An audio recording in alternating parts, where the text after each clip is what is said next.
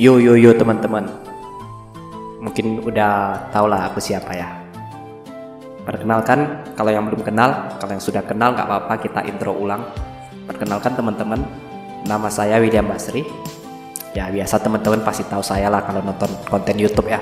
Saya itu seorang konten kreator yang biasanya itu di YouTube itu saya sharing video terkait dengan akuntansi dan ada juga beberapa video-video terkait dengan motivasi. Ya, tapi di podcast kali ini saya nggak mau sharing akuntansi lagi teman-teman. Ayolah teman-teman, kita itu bicara lebih santai. Jadi mungkin teman-teman bisa mengenal saya lebih jauh dan saya juga bisa mengenal teman-teman lebih jauh. Saya ingin sharing banyak hal sama teman-teman. Jauh lebih luas lagi daripada lingkup akuntansi. Jadi harapan saya di setiap podcast ini kita bisa saling bertukar pikiran. Saya mengerti teman-teman, teman-teman juga mengerti saya gitu. Karena ya memang um, terlalu kaku rasanya kalau saya itu hanya memberikan edukasi terkait dengan teori-teori yang ada di lembaga pendidikan. Gak enak gitu.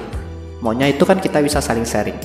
Nah, jadi karena ini merupakan episode kedua, episode pertama sudah saya upload ya. Itu hanya perkenalan singkat dan isinya itu ya main-main lah, ngawur-ngawur. Di episode kedua kali ini, ayo kita mulai bahas lebih dalam lagi topiknya, biar lebih seru. Apa sih yang mau saya bahas? Saya pengen bahas terkait dengan kecemburuan. Wih, cemburu. Siapa di sini yang sering cemburu? Nah, cemburu ini kan banyak arti ya. Bisa jadi cemburu karena pasangan, bisa juga cemburu sosial. Ya, diperlakukan tidak adil. Intinya itu ya kita itu cemburu lah Nah, cemburu dan iri sebenarnya saya kurang tahu sih apakah sama atau enggak. Mungkin teman-teman tahu. Ini saya cari di internet coba. Cemburu dan iri. Iri adalah situasi di mana kita melihat orang lain memiliki sesuatu dan kita juga menginginkannya. Sedangkan cemburu adalah situasi ketika kita sudah memiliki sesuatu dan kemudian kita takut kehilangannya. Perbedaannya itu adalah pada letak kepemilikannya teman-teman. Kalau iri, kita belum memiliki barang tersebut. Kalau cemburu, kita sudah memiliki barang tersebut dan kita takut kehilangan barang tersebut. Ya, sedangkan iri kita belum punya, tapi kita pengen punya barang tersebut, tentunya dari orang lain. Nah, tapi ya intinya itu situasinya itu ya kita ya insecure lah, nggak enak lah. Nah, pertanyaannya kenapa kita itu sering iri hati dan kenapa kita itu sering cemburu saya nggak bilang teman-teman sih tapi saya pakai bahasa yang universal kita atau mereka lah saya sering banget teman-teman. Jumpa sekeliling saya itu semua itu punya sifat yang seperti begini. Cemburu dan iri hati. Sebenarnya saya tuh udah pengen banget sharekan cerita ini teman-teman. Tapi saya takut banget menyinggung perasaan orang. Kalau teman-teman lihat saya ya, lihat di Instagram, lihat di mana-mana, teman saya itu bisa dikatakan sedikit banget. Saya tuh jarang banget bergaul sama orang. Orang mau bilang saya sombong, is oke okay lah, terserah lah itu hak dia lah. Saya pun nggak mau melarang atau gimana. Saya pun nggak mau menganggap kalau diri saya ini memang eksklusif. Enggak, sebenarnya bukan itu teman-teman. Tapi ya karena banyak banget teman-teman saya yang toksik. Ya itu kembali lagi. Itu pandangan dari saya teman-teman pernah nggak sih berteman sama orang itu ya kita sudah baik sama dia ya kan kita udah care sama dia nggak care sih dalam arti kita itu perhatikan dia. Tapi ketika kita maju selangkah itu dia itu nggak senang gitu. Dia itu nggak senang. Ataupun ketika kita mendapatkan suatu hal lain ya dia itu iri karena dia itu nggak mendapatkan hal tersebut. Pernah nggak? Dan itu yang sering banget saya temui di lingkungan saya teman-teman. Contoh nih misalnya saya diterima kerja di perusahaan X misalnya. Sedangkan mereka itu karirnya itu gitu-gitu aja. Mereka itu bisa iri hati sama saya. Saya nggak tahu kenapa. Ya, padahal kalau mereka mau minta share akuntansi, mau belajar sama saya, ya saya open-open saja. Awalnya sebelum saya itu menjadi pribadi yang sekarang ya. Karena sekarang itu saya itu sebenarnya sudah males juga teman-teman. Kenapa? Terkadang saya sudah bantu, udah capek-capek bantuin gitu malah saya dikhianati gitu karena ya kembali lagi rasa cemburu dan iri jujur saja teman-teman kalau saya itu ya ini bukannya bilang sombong atau apa kalau teman-teman saya sukses saya itu senang banget saya bahagia tapi kenapa posisi teman-teman saya menghadapi saya posisi teman-teman saya memandang saya tidak bisa seperti saya memandang ke teman-teman saya yang seperti begitu, yang sukses. Kenapa mereka itu mau pandang saya itu susah gitu? Contoh saja saya punya YouTube, saya juga bekerja di perusahaan. Ada juga yang komplain, ada juga yang bilang, wah William udahlah jangan terlalu rakus. Kalau kerja ya fokus kerja aja, YouTube ya fokus YouTube saja. Loh, saya tanya, di mana salahnya bro? Di mana salahnya bos? Saya itu harus kerja ya kerja aja YouTube ya YouTube saja di YouTube sepeser pun ya sepeser pun saya tuh nggak pernah minta sama subscriber saya eh kamu sudah nonton channel saya sini sumbang 10 ribu nggak pernah nggak pernah sama sekali. Teman-teman boleh tanya di kolom komentar pernah nggak saya minta sepeser pun? Nggak pernah kecuali dari iklan. Ya iklan pun itu sudah saya permisi banget. Mohon maaf saya aktifkan iklannya itu karena operasional. Pertama biaya internet. Kedua beli-beli peralatan beli mie dan lain sebagainya. Dan itu juga untuk supaya yang nonton itu lebih nyaman ya. Toh kalau nonton iklan itu kan bukannya bilang teman-teman bayar iklannya kan? Enggak itu kan cuma mengganggu teman-teman pada saat nonton saja. Teman-teman mau download video saya saya juga pernah komplain. Nggak pernah bilang eh jangan di download dong nanti saya nggak dapat iklan enggak pernah. Dalam arti bukannya saya itu mau mengungkit-ungkit tapi terkadang saya sedih sih. Yang anehnya itu yang memberikan kritik itu bukan dari subscriber tapi dari kalangan dekat. Karena mereka itu nggak mau lihat saya maju. Saya di situ sedih banget sedih banget. Kenapa sih ada orang sedih begitu kenapa sih ada orang sedih begitu masih banyak lagi teman-teman awalnya saya sebelum rintis YouTube ya barusan mau buat YouTube saja YouTube saya tuh sudah mulai dicaci maki. Kamu bikin konten seperti begitu, gimana mau populer, gimana mau naik, sudah dikata-katain. Katanya ngantuk lah, inilah, itulah. Terus saya tanya, apakah saya ada merugikan teman-teman? Saya ada bikin rugi teman-teman nggak bikin konten seperti begitu? Apakah saya numpang rumah teman-teman, numpang studio teman-teman, atau numpang promosikan channel saya? Saya tuh bicara seperti begini teman-teman. Karena saya juga punya perasaan terkadang. Dan saya ingin meluruskan hal ini. Kita jadi orang itu nggak boleh terlalu mengurusi privasi orang lain. Saya teman-teman tidak pernah sama sekali mengurusi privasi orang lain. Ya. Teman-teman kalau punya masalah saya itu nggak pernah urusin sampai ke akar-akarnya kalau teman-teman mau cerita saya kasih solusi berdasarkan pola pikir saya tak pernah saya itu memforce memforce itu teman-teman tahu ya memaksakan pendapat saya itu untuk orang lain. Gak pernah. Saya cuma bilang, kalau saya jadi kamu, saya akan melakukan hal ini. Itu boleh kamu ambil jalurnya, boleh tidak. Sama seperti yang di YouTube saya kalau teman-teman lihat. Ketika teman-teman menanyakan kepada saya solusi, saya itu hanya memberikan solusi, tidak pernah memaksa teman-teman. Boleh ikutin, boleh enggak. Saya makan bilang, kalau salah tolong dikoreksi. Kalau benar diambil positifnya. Kalau salah ya dibuang saja. Gak apa-apa kok, saya nggak rugi kok. Ya, dalam arti ketika saya sudah mengeluarkan tenaga saya membuat sebuah video, membuat sebuah konten. Di mana konten tersebut kalau mau dibilang proses pembuatannya itu produksinya itu mau satu minggu. Saya nggak pernah merasa rugi. Kenapa? Karena saya tahu penonton saya itu open minded. Misalnya si A nggak cocok, belum tentu si B itu nggak cocok. Bisa jadi si B cocok. Ya, berikutnya si C dan si D dan seterusnya. Enggak semua orang itu uh, close minded ya saya yakin penonton saya itu rata-rata open minded. Meskipun mereka tahu channel saya atau video saya itu kurang pas, ya udah mereka itu mencari perbandingannya ke tempat yang lain. Nah, itu yang saya suka sebenarnya dari YouTube. YouTube itu memberikan kebebasan. Sedangkan kalau masuk ke dunia saya ya, ke lingkungan saya, kok toksik banget gitu pikiran saya. Teman-teman lihatlah kenapa sih saya tuh di Instagram itu jarang banget upload foto di kantor, jarang banget upload foto YouTube. Ya karena lingkungan saya di Instagram itu toxic semua kalau mau buka-bukaan. Jadi saya males aja gitu. Ya saya males aja gitu.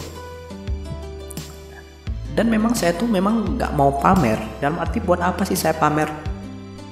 Uang saya memang masih sedikit saya pun bukannya orang kaya dan lain sebagainya. Saya tuh orang biasa-biasa saja. Apa sih alasan saya mau pamer hal tersebut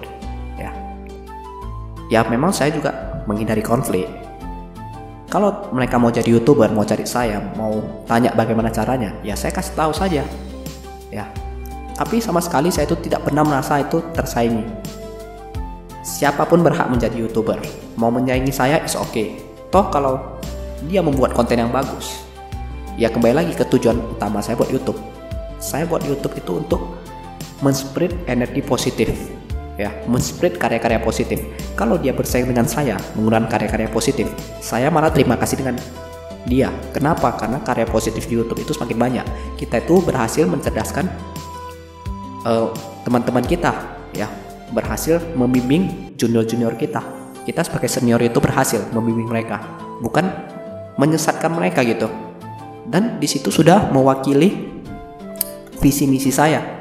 Terlepas dia dapat duit, dapat adsense dan lain sebagainya, itu udah urusan dia. Kenapa? Karena biaya hidup masing-masing orang itu berbeda-beda. Menurut saya, dengan penghasilan saya di YouTube dan di gaji itu sudah cukup, meskipun ya nggak cukup-cukup banget juga ya.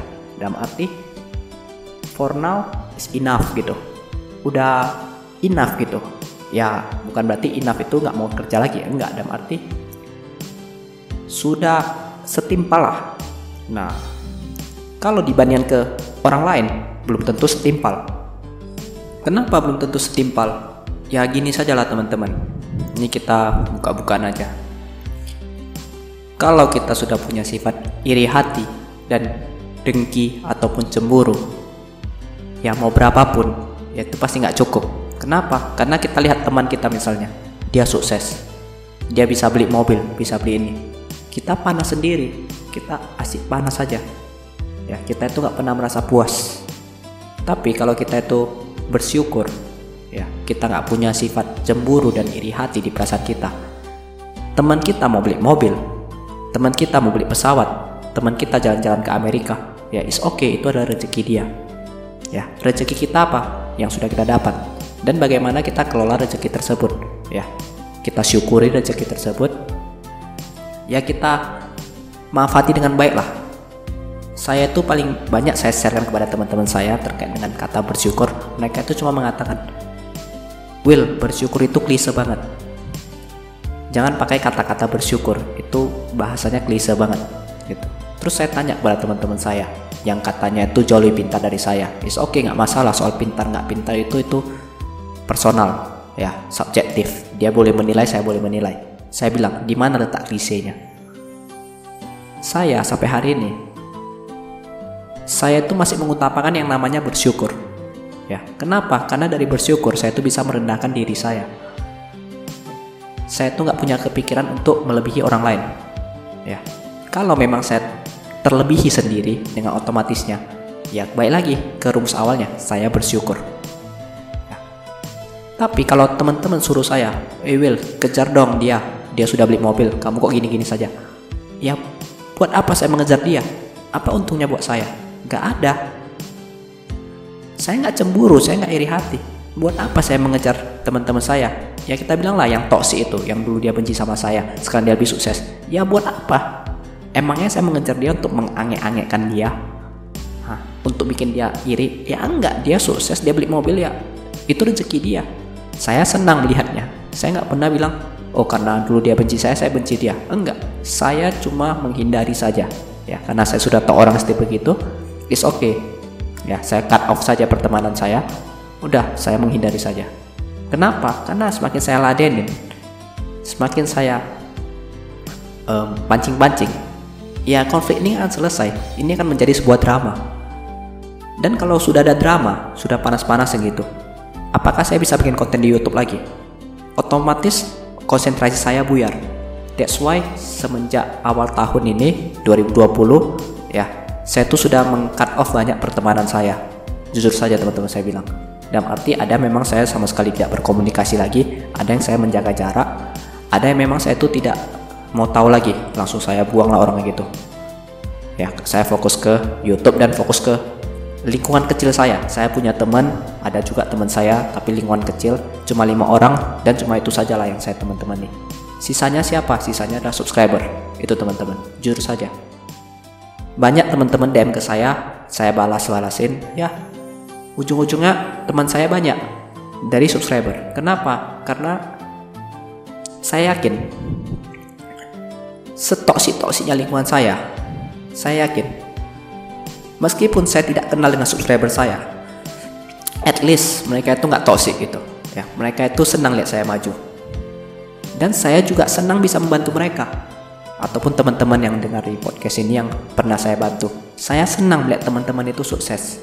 Ya bahkan kalau teman-teman sukses ingat kata-kata saya bahkan kalau teman-teman itu sukses jadi PNS misalnya atau dapat sertifikasi CPR melebihi aku. Saya itu bangga gitu punya teman seperti teman-teman. Dan ya memang itu yang saya tuntut. Banyak yang bertanya kepada saya kak ini bagaimana? Kak doain saya lulus. Kak saya cuma mengatakan satu hal saja saya tunggu kamu pada saat wisuda. Kenapa? Karena saya takut teman-teman itu gagal pada saat kuliah. Saya nggak mau ya. Harapan saya teman-teman tuh harus berhasil kuliah gitu. Itu yang dari lingkup subscriber ya. Saya tuh ingin itu kalau pertemanan itu kita saling support menyupport. Cemburu dan iri hati dan dengki hati. Wah come on. Lupakan itu ya. Di dunia ini percayalah rezeki itu nggak habis-habis ya kita mengambil rezeki orang lain ya. Orang lain tersebut nggak akan mati dia bakal dapat rezeki dari tempat lain lagi ya. Jadi kita nggak perlu rebut rezeki orang lain kita nggak perlu iri nggak perlu dengki hati. Kita semua sudah punya rezekinya masing-masing. Sisa jalani aja sesimpel itu. Di depan ada apa? Ada kerjaan jalani. Di depan ada lowongan lamar ya. Di depan ada apa? Jalani. Yang di depan mata saja tuh. Hanya yang di depan mata saja teman-teman. Sesimpel itu buat apa kita itu ngurusin orang lain? Contoh dia kerja di perusahaan A kita sirik ya. Kita lamar juga di perusahaan A. Sudah diterima udah dibantuin kita mau siku dia ya. Cari masalah uh, panas-panasi dia dengan teman-teman sekantornya. Forward bro. Kamu dapat apa gitu? Dapat kepuasan psikologi. Aku nggak dapat poinnya di situ. Nggak dapat poinnya betul-betul iri dan dengki hati itu saya betul-betul nggak dapat tapi ini adalah sebuah fenomena yang betul-betul saya hadapi teman-teman dan saya yakin kok teman-teman yang dengar ini pasti juga menghadapi hal yang sama damn but Ya ini adalah sebuah fakta. Dan bagaimana menghadapinya? Kalau saya sih teman-teman, saya pergi dari lingkungan tersebut. Biarin, saya nggak peduli orang mengatakan saya pengecut, orang mengatakan saya you are a loser, kamu itu adalah seorang pecundang. Kamu takut, ya is okay, is okay. Aku nggak butuh kalian gitu. Aku bisa berdiri sendiri, aku bisa kerja sendiri. Ya, aku nggak butuh kalian itu promosikan channel aku. Karena aku percaya kalau aku berbuat baik akan ada jalannya dibantu sama di atas. Loh kok saya jadi religi gitu ya? Kok saya jadi macam orang yang lurus banget? Sebenarnya enggak juga tapi ya itulah teman-teman. Terkadang kita itu pengen jadi orang yang baik tapi jalan menuju itu nggak gampang gitu ya. Lebih gampang jadi orang jahat. Karena lingkungan kita itu lingkungan jahat gitu. So kita terus memutuskan rantai ini teman-teman. Kita harus menjadi orang yang positif. Dengan kita menjadi orang positif dimulai dari keluarga ya. Dimulai dari lingkungan. Saya yakin ke depan itu dia menjadi terbentuk sebuah cluster ya. Cluster positif dan cluster negatif. Ya kita terus berada di cluster yang positif teman-teman tahu arti cluster ya? Di kelompok gitu. Nah dan sebenarnya juga bukan berarti saya mengatakan bahwa kita itu nggak boleh iri hati dan nggak boleh cemburu. Nggak juga teman-teman ya. Ada beberapa sikon yang memang kita harus cemburu. Contohnya di mana? Ya pada saat pacar kita didekati misalnya. Ya pasti cemburu dong. Nggak mungkin dong kita nggak cemburu. Pacar kita didekati. Ya ini dalam arti ya saya katakan berpikir secara objektif lah ya ada hal yang memang kita tuh nggak boleh iri dan nggak boleh cemburu gitu ada hal yang memang kita tuh harus cemburu nah jadi saya percaya kok teman-teman pasti ngerti lah poin yang saya sampaikan ya. Saya di sini sebenarnya itu cuma mengatakan ini karena memang saya itu betul-betul dikelilingi oleh lingkungan-lingkungan seperti begitu. Jadi memang saya tuh sempat sesak banget di akhir tahun kemarin. Di akhir tahun 2019 itu banyak banget drama-drama yang saya jalani. Was. Saya akuin saya juga salah. Kenapa salah? Karena saya bergabung dengan orang-orang toksik. Saya pikir dengan punya banyak teman banyak support ternyata enggak seperti begitu ya. Punya banyak teman malah punya banyak masalah. Kenapa ya? Karena lingkungannya toksik banget. Saya difitnah. Saya cuma diam saja pun saya difitnah juga. Ya saya mungkin nggak tahu mereka sedendam apa sama saya. Saya salah apa? Ya. Saya cuma bisa introspeksi diri saya saya sakit hati saya sakit gitu ya difitnah dikatain oke okay lah saya sudah melupakannya. Tapi ya kamu boleh buat saya seperti begitu. Dan saya bisa berpikir secara objektif berpikir secara positif. Tapi tolong um, jangan lakuin orang lain lagi. Teknik yang paling gampang dalam sifat cemburu dan iri hati itu sudah pasti terkait dengan teknik adu domba. Teman-teman perhatikanlah, kalau misalnya ada orang cemburu dan iri hati dengan kita, dia tuh nggak bakal serang kita secara personal. Dia pasti pertama kali mengadu domba dulu. Dia mengadu domba kita kepada orang-orang yang dekat dengan kita. Sesimpel itu. Dan saya kemarin berhasil diadu domba. Ya, saya sempat terpuruk, sakit, tapi ya sudah selesai. Saya sudah move on. Everything is okay lah right now. Jujur, kehilangan teman itu sedih teman-teman. Kehilangan teman itu sedih, sakit kehilangan teman. Tapi lebih sakit lagi kalau kehilangan segalanya. Syukurnya saya hanya kehilangan teman. Yang mana teman saya itu juga bukan berarti teman yang bagus-bagus banget ya. Yang bukan berarti teman yang mensupport saya selamanya. Ya. Bukan berarti teman yang bisa ikut saya suka dan duka ya saya kehilangan itu positifnya apa positifnya itu saya sadar ya saya sadar banget bahwa saya dijauhkan oleh orang-orang yang seperti begitu. Dan saya bisa fokus ke karir saya fokus ke YouTube saya dan juga positifnya saya nggak kehilangan seluruh teman saya nggak kehilangan segalanya. Saya nggak kehilangan segalanya teman-teman. Saya masih ada kemampuan untuk survive. Ya saya masih punya YouTube. Saya masih punya teman-teman yang mencintai saya apa adanya. Di saat saya suka dan di saat saya duka meskipun cuma lima orang it's okay it's enough it's very very enough. Ya saya nggak butuh seribu orang nggak. Saya cuma butuh lima orang ya. Yang memang betul-betul ada di saat suka dan duka. Di saat teman saya butuh bantuan saya bakal tolong. Di saat saya butuh bantuan mereka bakal datang. It's sudah sangat cukup teman-teman daripada seribu orang. Tapi mereka ada di saat saya senang gitu di saat saya hancur ya mereka bakal tinggalin saya. Dan ketika saya maju mereka sudah mempersiapkan pisau di belakang saya. Ketika saya mundur sedikit pisaunya akan menancap ke punggung saya. Teman-teman bisa bayangkan ya mereka ikut saya naik tapi mereka membawa sebuah pisau. Pisau itu ada di belakang punggung saya. Saya mundur sedikit saja langsung pisaunya tersebut sudah menancap ke badan saya. Kalau mundurnya kebanyakan ya udah saya bakalan mati. Saya sadar teman-teman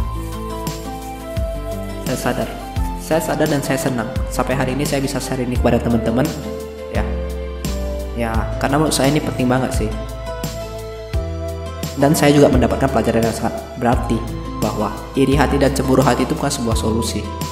Itu hanya sebuah bom waktu di dalam tubuh kita yang kapan saja bakalan meledak. Ya. Dan sifat itu sangat-sangat tidak boleh kita bawa ketika kita sudah berkeluarga saya nggak kebayang sih gimana kalau kita punya sifat iri dan cemburu hati ya kepada tetangga misalnya. Misalnya kita sudah punya anak terus anak kita kita banding-bandingkan dengan anak tetangga. Kita cemburu sama anak dia karena anak dia lebih prestasi. Terus kita banding-bandingkan sama anak kita anak kita menjadi bahan pembandingannya. Damn kasihan anakmu bro. Kasihan. Ya jangan jadi orang tua yang salah gitu terus teman-teman bilang gak mungkin lah mereka pasti bisa belajar gitu-gitu. Ya buktinya saja ada istilah oke okay boomers yang menandakan memang banyak orang yang belum open minded dan inilah asal muasalnya. Kita dari remaja ya kita dari remaja itu sudah gak mau open minded gimana lagi pada saat tua? Ya pasti kita bilang kita makan garam itu lebih banyak daripada anak muda. Anak muda itu tidak perlu bicara. Padahal anak muda itu punya ilmu yang lebih maju, teknologi mereka lebih maju. Kita harus belajar dari mereka, ya. Saya belajar dari junior saya untuk beberapa ilmu yang memang saya nggak kuasai. Saya nggak pernah malu. Contoh nih, dulu pada saat saya kuliah, kami akuntansinya itu bahasa Indonesia. Sekarang ditutup bahasa Inggris. Terus saya bilang, wah nggak usah pakai bahasa Inggris, kita cinta Indonesia bro pakai Indonesia aja. Ya enggak dong. Harus kita pelajari juga dong. Kita malah bilang wah hebat ya. Sekarang kurikulumnya sudah bahasa Inggris. Saya harus mengupdate ilmu saya. Kan gitu. Bukannya saya bilang apa-apaan ini orangnya pakai bahasa Inggris? Emangnya ante-ante asing misalnya? Nah ini misalnya saja ya. Dasar ante-ante asing misalnya. Nggak cinta Indonesia pakai pakai bahasa Inggris. Kan enggak gitu. Kita harus open minded loh. Dunia ini kan semakin lama era globalisasi ya kan? Sebentar lagi semuanya itu akan dipermudahkan untuk perdagangannya. Jadi mau nggak mau kita harus menuntut belajar bahasa Inggris. Ambil dong positifnya jangan diambil negatifnya gitu ya. Toh kalau ujung-ujungnya bahasa Inggrisnya nggak kepake emangnya bahasa Inggris itu cuma dipakai untuk dagang? Kan enggak. Teman-teman mau jalan ke Singapura mau jalan ke Amerika kan pakai bahasa Inggris. Ruginya di mana loh? Nggak ada ruginya. Jadi kenapa kita tuh nggak bisa open minded kenapa susah banget sih open minded gitu? Apakah harus orang yang lebih tua yang lebih sesepuh yang mengingatkan kita untuk open minded contoh nih ini yang salah ya jangan ditiru. Saya tuh nggak pernah menerima saran dari teman-teman karena menurut saya teman-teman itu ya masih nonton YouTube saya. Ngapain saya dengar saran teman-teman? Saya mendengarkan itu dari dosen saya. Kalau pola pikir saya seperti begitu wah kacau lah di dunia teman-teman. Hancur lah kacau kacau. Itu maksud saya teman-teman. Poinnya itu di situ kita itu harus open minded lah open minded banget nah jadi mungkin nih podcast kita sudah 20-an menit dan memang satu episode itu sekitaran 30 menit sih teman-teman. Saya plan kan. Jadi saya tuh nggak mau terlalu panjang ya. Kalau memang nanti topiknya ini menarik, kita bisa buat part 2-nya berdasarkan cerita teman-teman. It's okay, nggak masalah. Buat podcast itu gampang kok, nggak seribet buat video YouTube karena ini saya saja masih pakai pakaian tidur ya. Saya cuma di depan komputer, nggak ada kamera, cuma ada perekam suara. Which is lebih gampang lah teman-teman. Lebih simple dan saya bisa update tiap hari sebenarnya kalau mau kalau memang ada bahan. Nah tapi karena ini adalah episode kedua dan saya masih belajar banget saya mohon sarannya dari teman-teman dan jika ada cerita teman-teman boleh di-sharekan mau podcast tentang apa tentang pacaran misalnya pacaran positif. Nah, boleh. Tentang apa? Um, sifat-sifat negatif, sifat-sifat toksik, is oke okay, kita bahas semuanya teman-teman. Ya yang terkait dengan kehidupan sehari-hari. Karena ini banyak banget topiknya yang bisa kita bahas. Dan semuanya itu bagus. Nah mungkin itu dulu teman-teman podcast kita di episode kali ini. Episode kedua. Terima kasih banget teman-teman semua yang nonton. Teman-teman keren lah, teman-teman kece. Semoga dari podcast kali ini teman-teman mulai menghilangkan sifat iri hati dan dengki hati. Tapi saya yakin kok subscriber saya nggak ada yang seperti begitu karena semuanya open minded ini nggak sindir loh ini nggak sindir loh ini serius loh. Nah teman-teman jangan bilang aku sindir. Ah, aku serius ini. Tapi kalau mana tahu teman-teman saya yang nonton yang dengar nah itu yang baru saya sindir. Kalau subscriber saya saya yakin 100% kenapa? Karena teman-teman buka saja channel saya. Scroll ke kolom komentar. Semuanya positif. Semuanya positif. Gak ada yang bilang ini channel apaan? Ini apaan? Gak ada. Semuanya positif. That mean semuanya orang-orang yang open minded mungkin itu dulu teman-teman. Sudah terlalu lama. Saya William Basri. Kita berjumpa di podcast selanjutnya. Bukan di video selanjutnya tapi di podcast selanjutnya. Bye bye